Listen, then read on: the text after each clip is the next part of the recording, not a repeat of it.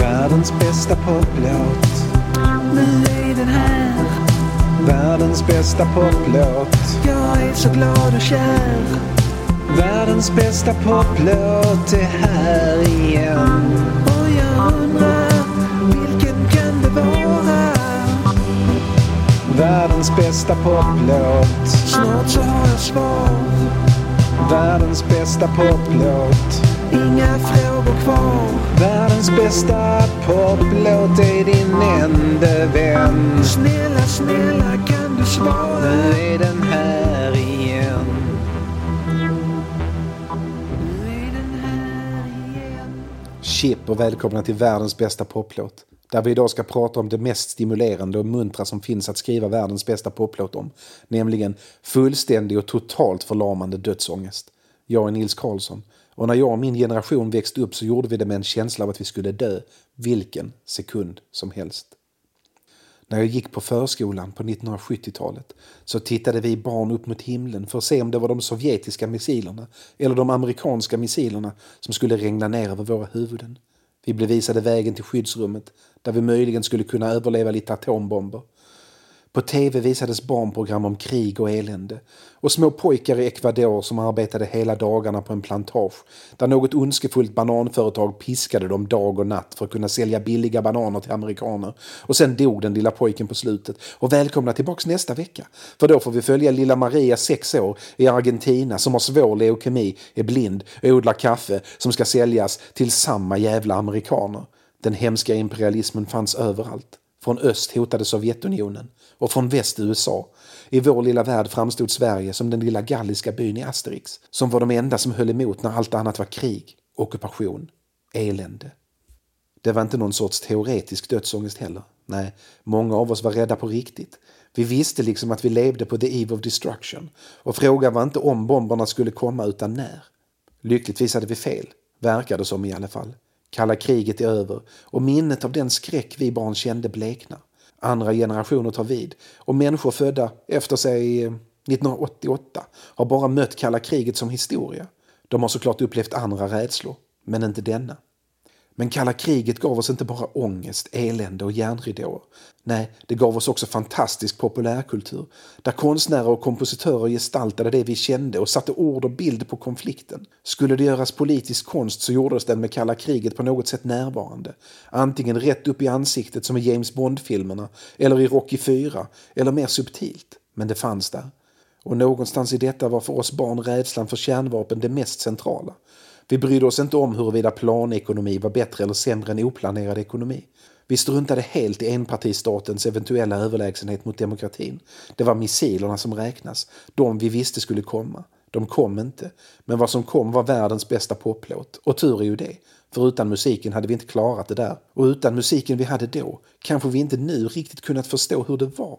För musiken kan kommunicera känslor mycket bättre än bara ord. Låtar som nu kanske på ytan låter banala, som kanske rent av var det redan då, bär med sig en kärna av sanning som faktiskt är viktig. Ta Sting till exempel. Han skulle inte kunna skriva en vettig poplåt om så hans liv berodde på det. Hans låt Russians är på alla sätt patetisk, spekulativ, musikaliskt vedervärdig. Men hans förhoppning om att ryssarna älskar sina barn det med påminner oss om en tid då det här i västvärlden faktiskt fanns folk som ifrågasatte att ryssarna på andra sidan älskade sina barn. Så mycket älskade vår sida sina barn att de lät oss växa upp livrädda för missilerna, för svampmolnen som väntade på oss och som vi väntade på förstörelsen. På att bara våra skuggor skulle bli kvar på de trasiga väggarna som någon muntergök på barnprogrammen i TV2 berättade om när man gjorde barn-TV om Hiroshima. Vi såg Rocky besegra Drago och samtidigt få den ryska publikens kärlek och så håller han ett tal om förbrödring. Men kan det bli någon verklig förbrödring om vi går på myten om att den andra inte älskar sina barn? Samma nonsens fortsätter idag. Vi ser den andra som mindre mänsklig och därför betydligt mer skrämmande än vad som den andra verkligen är. Det är såklart ömsesidigt. Barn idag är också rädda för terrorister, drönare, mördare och Guds jävla vrede. Världens bästa poplåt sätter ord på känslan av den snara missildöden som väntade på oss. Och det var nära ögat några gånger. Det är ingen bra idé att ge människor makten att döda ungefär alla andra människor. För människor är ibland fullständigt vansinniga. Eller bara helt enkelt rövhål. Vi kan inte handskas med förmågan att skada varandra. För allt för ofta får vi för oss att faktiskt göra det. Budskapen till oss barn var blandade och förvirrade. Vi visste vi skulle dö. Vi visste att våra kroppar skulle brinna och att allt vi kände skulle brinna och att husen där vi bodde skulle brinna. Men samtidigt fick vi tröstande kramar och värme och försäkringar om att allt skulle bli bra. Kalla krigets barn växte upp med inte bara dödsångest utan också en påtagligt stor kognitiv dissonans. The Eastern world, it is exploding, violence flaring, bullets loading. You're old enough to kill, but not for voting. You don't believe in war, but what's that gun you're toting? And even the Jordan River has bodies floating, but you tell me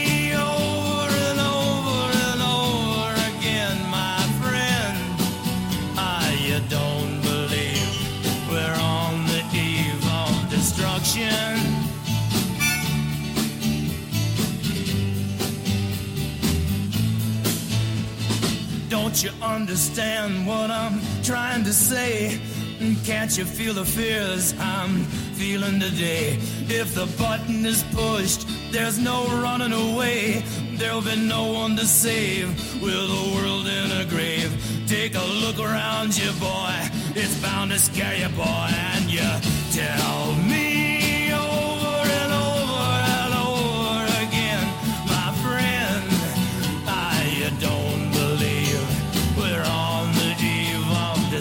destruction.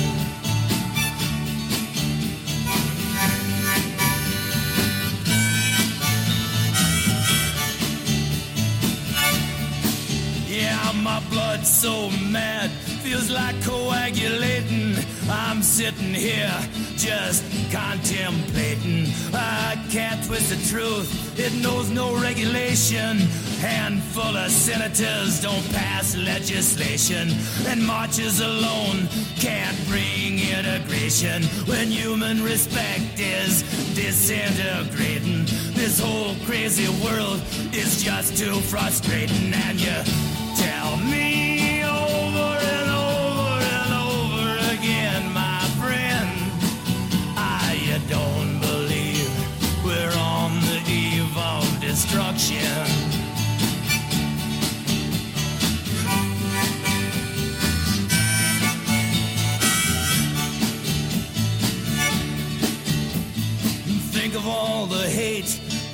in Red China. Then take a look around to Selma, Alabama. Uh, you may leave here for four days in space, but when you return, it's the same old place. The pounding of the drums, the pride and disgrace. You can bury your dead, but don't leave a trace. Hate your next door neighbor, but don't forget to say grace and tell me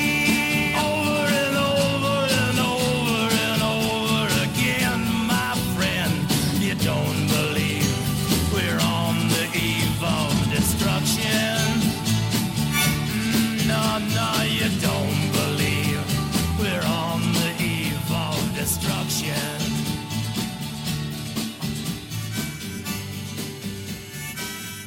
Två gånger lyckades det brittiska popbandet Ultravox sätta ord och musik på hur det var att leva i en värld där två sidor med två olika ekonomiska system var och en för sig kunde utplåna allt liv på jorden tre, fyra gånger om.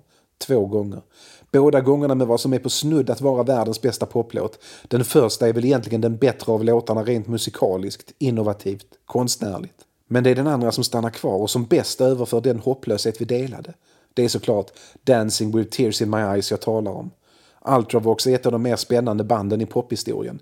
Ett av de mest inflytelserika också. Om jag skulle göra en lista över de tio mest inflytelserika brittiska banden i pophistorien, och ni kan vara lugna, det tänker jag göra, så skulle antagligen Ultravox hamna bland de översta fem. Det kan såklart debatteras i evigheter hur syntpoppen, syntmusiken, den moderna dansmusiken, housemusiken, technon och allt vad de kallas uppstod. Men även om vi erkänner giganter som Kraftwerk, Gary Newman och Donna Summer så är det svårt att komma förbi hur mycket Ultravox betytt. Bara det att de tog och gjorde trummaskinen till ett centralt instrument har påverkat så oändligt många andra. Vi pratar 1970-tal i ett regnigt och eländigt London. Glamrocken håller på att dö. Borta är den glädje som T-Rex eller Slade eller Sweet eller i viss mån David Bowie stod för. Bowie deppade ihop helt och flyttade till Berlin. Mark Bolan dog. Progrocken proggade vidare några år, men växte sig ohanterlig och ointressant. Arbetslösheten skenade och det stora vemodet rullade in. Precis i slutet av glam och glädjevågen 1974 typ börjar glamrockarna Tiger Lily bli lite halvpopulära. Men bandet känner att det inte funkar. De två låtskrivarna, John Fox och Billy Curry, vill vara moderna. De är moderna, men det går inte att vara moderna och samtidigt spela glamrock längre. 1976 är det helt kört. Punken börjar bubbla. Vrede och hopplöshet ersätter kärlek och tuggummi. Tiger Lily vill börja om. Och de börjar om. Och de börjar om som Ultravox. På två år gör de tre helt makalösa skivor. Det är skitigt och minimalistiskt och samtidigt grandiost. På den andra skivan, hahaha, lyckas de bli bland de första som använder sig av en trummaskin. John Fox, som är deras främsta låtskrivare och sångare, snöar helt och hållet in på tekniken, på elektroniken. Bandet har en traditionell uppsättning, det är trummor, bas, gitarr förutom keyboarden. Men det blir en utvecklad, invecklad teknologisk resa att lyssna på dem. Fox är en fantastisk frontman. Mycket av den estetik som senare präglar syntpopen uppstår på scen tillsammans med Fox. Ljudbilden blir mer och mer elektronisk. Och det som började som ett glamrockband är efter tre skivor någon sorts mörk elektropop. Skivan, System of Romance, är ritningen efter vilken hela New Romantic-vågen bygger sina framgångar. Utan System of Romance hade det inte funnits något Depeche Mode. Det som Ultravox gör 1978 är sådant som Depeche Mode kommer hyllas för att de vågar göra tio år senare. Det är knappt så att populärmusiken riktigt hunnit ifatt Ultravox än. Vi väntar fortfarande med spänning. John Fox bygger och drar sladdar och löder och snickrar. Han hittar möjligheter att göra helt omöjliga ljud och han använder dem i musiken. Det knorras i bandet. Fox får all uppmärksamhet, i den mån bandet får någon sådan alls, och ofta mer just för den tekniska aspekten snarare än den musikaliska. Ultravox blir ett band andra musiker lyssnar på och som inspirerar andra. Men de hittar inte någon masspublik. Det håller inte. Skivorna säljer inte, vilket är en av mänsklighetens stora oförrätter. Och publiken växer inte. Deras skivbolag tröttnar. De hade kontrakt på tre skivor och fler än så tänker skivbolaget Island inte betala för. Deras sista turné får de betala själva. 1979 försöker de få lite publik i USA. Det går åt helvete. De i Ultravox som har råd, och det var inte alla, återvänder till London. Fox orkar inte mer. Tänker att han vill lägga mer tid på sina syntar och sina älskade trummaskiner än att spela för halvfulla hus. Så han slutar. Och Ultravox tycks sluta samtidigt som Fox gör det. På Ultravox andra skiva tar de som sagt trummaskinen till musikvärlden på allvar.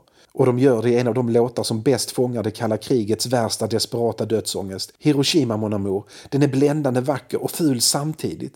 Roland TR-77 är en av de första rimligt portabla trummaskinerna och den får verkligen vara stjärnan i låten. Det är intellektuellt och samtidigt känslosamt, men givetvis helt utan någon större hitpotential. Att låten är så oslipat kantig och jävlig är både dess styrka och samtidigt deras förbannelse. Men den är oemotståndlig. I musiken, redan utan texten, säger den så mycket om att gå där på gräsmattan vid Berga förskola med en tusensköna i handen och försiktigt sneglar mot barndomens blå himmel för att se om bomberna som ska slita mig i stycken bär stjärnbaner eller hammaren och skäran.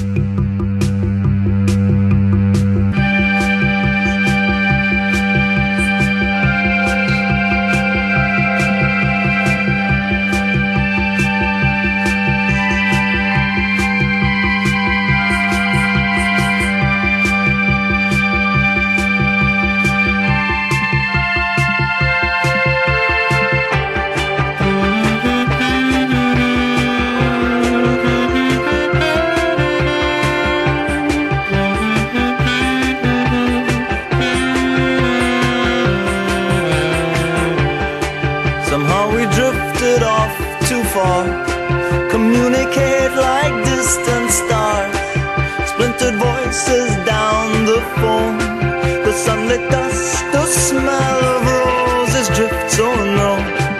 Someone waits behind the door.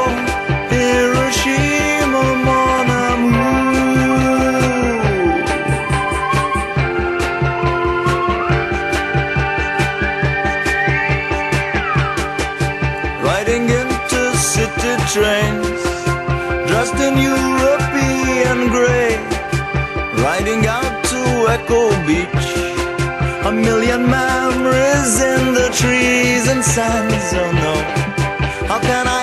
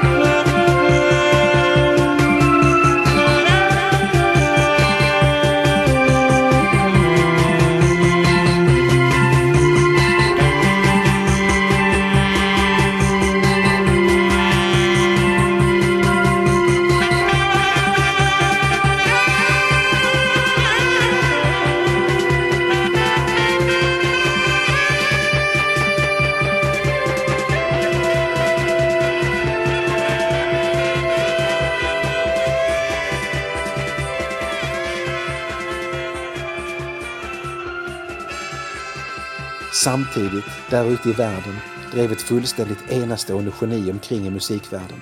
Och det är han som kommer att göra Ultravox till ett väldigt ovanligt band i populärmusikhistorien. För det hör inte till vanligheterna att ett band har två genier som var och en för sig är revolutionerande för popmusiken. Fast vid olika tillfällen. Visst, det har hänt, men inte på samma sätt. För John Fox och Midge som det andra geniet heter, var inte stora innan de kom med i Ultravox. Det var där de växte. Det var där de hittade sin genialitet. Visst, man kan hävda att Black Sabbath påminner om Ultravox på det viset. Ronnie James Dio var onekligen ett geni. Samma med Ian Gillan och Ozzy Osbourne. Så i Sabbath ersatte genierna varandra på sång. Men det är ändå inte riktigt samma sak. För Dio och Gillan var redan etablerade och deras mest geniala genialiteter var geniala i andra sammanhang än Black Sabbath och tidigare. Men tillbaks till Ultravox. Det John Fox och Midge Jure gjort för musiken skapade svallvågor som vi fortfarande känner. När Ultravox återvänt till England 1979 har de inte direkt några planer på att fortsätta. De var liksom John Fox kompband. Och det är inte särskilt lönt att vara ett kompband utan den man ska kompa. På annat håll är Midge ute och turnerar med Thin Lizzy. Han har just tagit över som gitarrist efter att Gary Moore lite överraskande lämnat för att göra solokarriär. Innan Thin Lizzy hade Eurobandet Rich Kids tillsammans med Glenn Matlock, han som skrev musiken i Sex Pistols, men fick sparken för att han gillade The Beatles. Och samtidigt som han spelade med Thin Lizzy spelade Midgeure keyboard i det väldigt Ultravox-inspirerade syntbandet Visage. Midgeure älskade Ultravox senaste skiva System of Romance och när han i samband med en inspelning med Visage träffade Billy Curry från Ultravox blev han bestört när han fick höra att Ultravox nog inte fanns längre. Midge och Billy Curry klickar som personer och ur askan av det som varit och nu med Midge som sångare, syntspelare och gitarrist återuppstår Ultravox och de kliver fram bland de främsta i den nyromantiska musiken och de är fortsatt briljanta. De blandar syntpop med new wave och de radar upp hit efter hit. De är inte lika musikaliskt skavande och utmanande som förr. Kanske inte riktigt lika nyskapande, men de har egentligen mer känsla för tidsandan än vad man hade innan. Mitt i allt detta, att bli en av Storbritanniens största popstjärnor och att skriva och producera Do They Know It's Christmas hittar Your känslan av den totala hopplösheten som kalla kriget trots allt var. Billy Curry kommer en dag in i replokalen med en ackordföljd i moll och en till och med för Ultravox ovanligt maskinell förprogrammerad bas och trummor. För första gången på länge närmar sig nya Ultravox det gamla Ultravox. Your hör hur Hiroshima Mon Amour ekar i materialet och han hittar gitarrspelet som passar perfekt. Musikalisk blir Dancing with Tears in My Eyes en andlig uppföljare till det tidiga Ultravox utan att det nya mer singelinriktade och poppiga går förlorat. Texten, skriven av Your, är ett praktexempel på hur man med väldigt små medel kan väcka stora, stora känslor. Två korta verser med bilder som väcker känslan av att det är kört. Vi kan inte komma undan. Stormen kommer och med den döden, den oundvikliga döden, i eld och djävulskap. Euro inspireras av lika delar David Bowie som Neville Shute. Shoots on the Beach är den litterära motsvarigheten till kalla krigets många nu är det fan kört på riktigt-låtar. I Shoots roman har norra halvklotet förintat sig själva i ett atomkrig. Sakta sprids de radioaktiva molnen söderut och i Australien väntar man på döden. Tiden är utmätt. Döden har alltid gått vid vår sida men till australiensarna lämnar han uppskov även utan schackpartier. Det är ett kort uppskov. Människorna behöver besluta sig för vad de ska göra denna sista korta tid i livet. Många väljer att ta livet av sig. Några greppar efter några sista halmstrån men allting går åt helvete för det är kalla kriget och atombombsdöden är oundviklig. På Ziggy Stardust and the Spiders from Mars sjunger Bowie i Five Years om hur nyhetsuppläsaren i tv gråtande och snyftande och hulkande berättar att jorden håller på att dö och vi har bara fem år kvar. Bowie beskriver hur olika människor hanterar nyheten. Mammor i parken gråter. Soldater bryter ihop. En kvinna försöker mörda sina barn och någonstans i en glassaffär sitter den vackraste flickan någonsin och ler och vinkar. Och jag tror inte hon vet om att hon är med i den här podden. Fem år, det är allt vi har. Five Years är en av Yours favoritlåtar. Han älskar trummorna och det gör ju alla. Han älskar hur Bowie gestaltar panisk förtvivlan men framförallt så är det bilden av nyhetsuppläsaren som stannar kvar hos honom. Och fem år. Vad Midge vet om kärnvapen är att det snarare handlar om fem minuter. Fem minuter från att missilerna lämnar sina ramper tills de slår ner i London. Vad skulle du gjort om du bara hade fem minuter kvar? Ure stoppar in nyhetsuppläsaren i Dancing with tears in my eyes fast han får bara vara en radioröst. En enkel bild som säger så mycket. Mannen låten handlar om åker hem från jobbet för sista gången och lyssnar på radio. De gråter på nyheterna. Han vet att det är allvar. Det finns ingenstans att fly. Så han kör till den han älskar. Samma var det för oss barn på gräsmattan i parken utanför Berga förskola 1977 eller 78. Eller på stranden 1983 eller 84. Eller var som helst. Det fanns ingenstans att gömma sig. När missilerna kommer så kommer de. Och då är det så jävla kört. Våra barndomar var som Bowies fem år fast i 18 år. Som Ultravox fem minuter fast i 18 år. Som Pink Floyds Two Suns in the Sunset. Fast i 18 år väntade vi på den där andra solen i solnedgången. Den som skulle bränna oss tills bara våra skuggor fanns kvar. 800 grader, du kan lita på mig, men som faktiskt inte kom.